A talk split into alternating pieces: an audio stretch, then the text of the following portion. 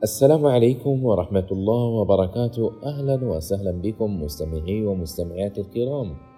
معكم أنا أمجد الجهني في موضوع جديد. الفهم يقوي الحب.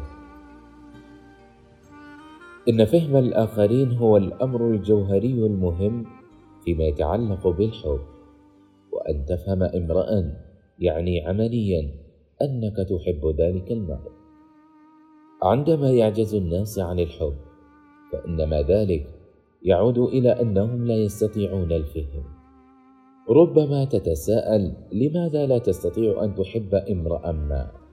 والجواب أنك لا تستطيع أن تفهم ذلك المرء. وعندما تفهم أحدهم سيصبح في وسعك أن تحبه. في حالة الزوجين أيضا عندما لا يستطيع أحدهما حب الآخر فإن ذلك يرجع إلى أنه لا يفهمه. وهذا الأمر صحيح على العموم إذا كان في استطاعة المرء أن يفهم فإن في استطاعته أن يحب أيضا. للأزواج والزوجات أسبابهم وشكواهم وهم يشرحونها. لكن الصراعات تنشأ عندما يعجز كل منهم عن فهم الآخر ومسامحته. وإذا استطاع الناس فهم بعضهم بعضا فسيصبحون قادرين على الحب. ينطبق الأمر نفسه عندما تحاول أن تنقل الحقيقة إلى الآخرين بالطريقة التي تتلائم مع كل منهم عندئذ يكون لقدرتك على فهم الشخص الآخر أهمية حيوية.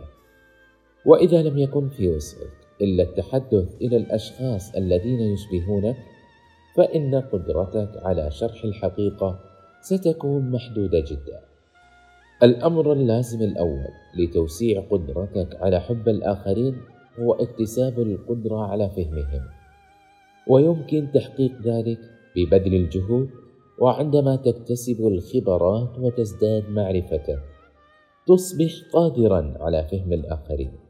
إذا استطعت أن تفهم أحدهم فستتمكن من حبه.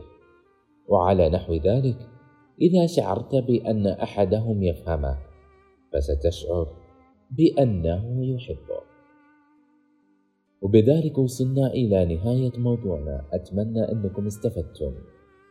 ونراكم إن شاء الله في موضوع جديد. والسلام عليكم ورحمة الله وبركاته.